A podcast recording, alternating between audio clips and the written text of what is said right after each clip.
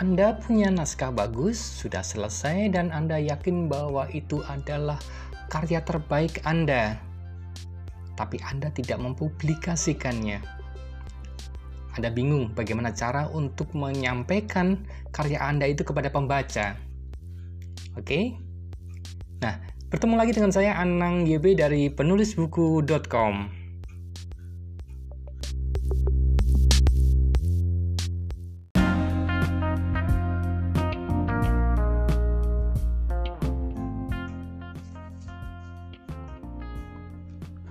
Halo, ketemu lagi dengan saya Anang YB dari penulisbuku.com. Senang bisa bertemu dengan Anda di kelas self publishing bagian pertama. Kita akan membedah banyak hal tentang seluk-beluk bagaimana menerbitkan naskah Anda sendiri tanpa melalui penerbit dan Anda bisa meraih sukses, mendapat banyak pembaca dan buku Anda terjual dengan uh, hasil mengembirakan. Bagaimana caranya? Oke. Okay? Bareng-bareng ya kita simak di pelatihan ini. Apa jadinya kalau sebuah karya tulis yang sudah Anda bikin dengan susah payah, Anda menghabiskan banyak waktu, Anda menghabiskan sekian banyak energi Anda, tetapi Anda hanya menyimpannya di dalam hard disk komputer Anda? Atau anda sudah e, bercerita ke banyak orang bahwa Anda sudah menulis tetapi berbulan-bulan kemudian karya Anda tetap tidak sampai kepada pembaca Anda. Ini kasus yang banyak terjadi, banyak dialami oleh teman-teman saya. Bahkan saya pun mengalami juga.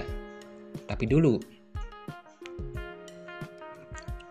ada banyak alasan kenapa naskah tidak sampai kepada pembacanya. Pertama, bisa jadi si penulisnya adalah penulis baru. Dia tidak memiliki cukup kepercayaan diri untuk membawa naskahnya kepada penerbit atau untuk mempublikasikannya di media-media sosial yang yang dia memiliki akunnya. Alasan lain, dia mungkin sudah mencoba memasukkan naskahnya ke penerbit umum, memasukkan di sana menunggu seminggu, dua minggu, sebulan, dua bulan, sampai setengah tahun, dan keputusannya apa? Setelah menunggu sekian lama, ternyata penerbit menolak naskah dia.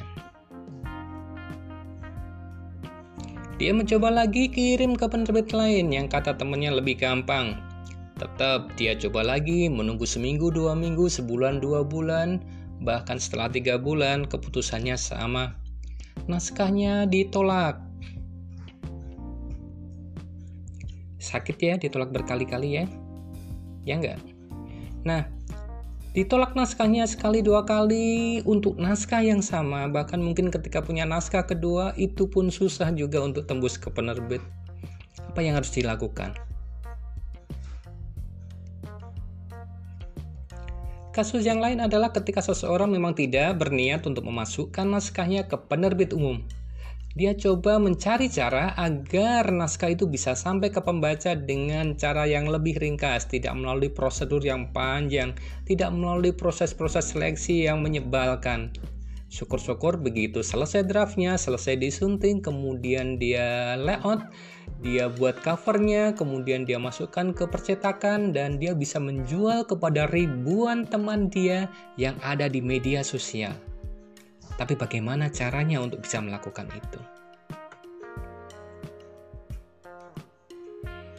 Kasus yang ketiga adalah ketika Anda membuat sebuah buku kenangan untuk ayah atau ibu yang Anda cintai, atau Anda mencatat kisah-kisah sukses, perjalanan-perjalanan lucu dari putra-putri Anda, dan Anda hanya ingin mencetak naskah Anda mungkin 10-20 biji saja. Apakah itu dimungkinkan?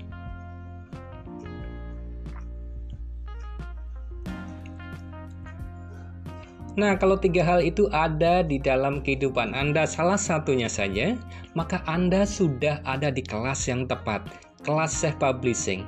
Saya Anang YB pernah mengelola layanan self publishing sekian tahun yang lalu ketika belum banyak orang membuat penerbitan-penerbitan indie, belum banyak percetakan-percetakan print on demand.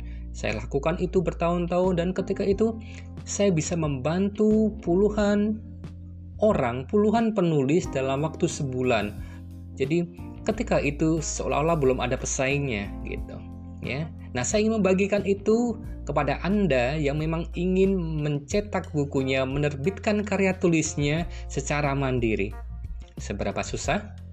Yuk simak terus kelas ini dan saya Anang JW dari penulisbuku.com siap menemani Anda, siap menjadi teman diskusi Anda. Oke, semoga menyenangkan.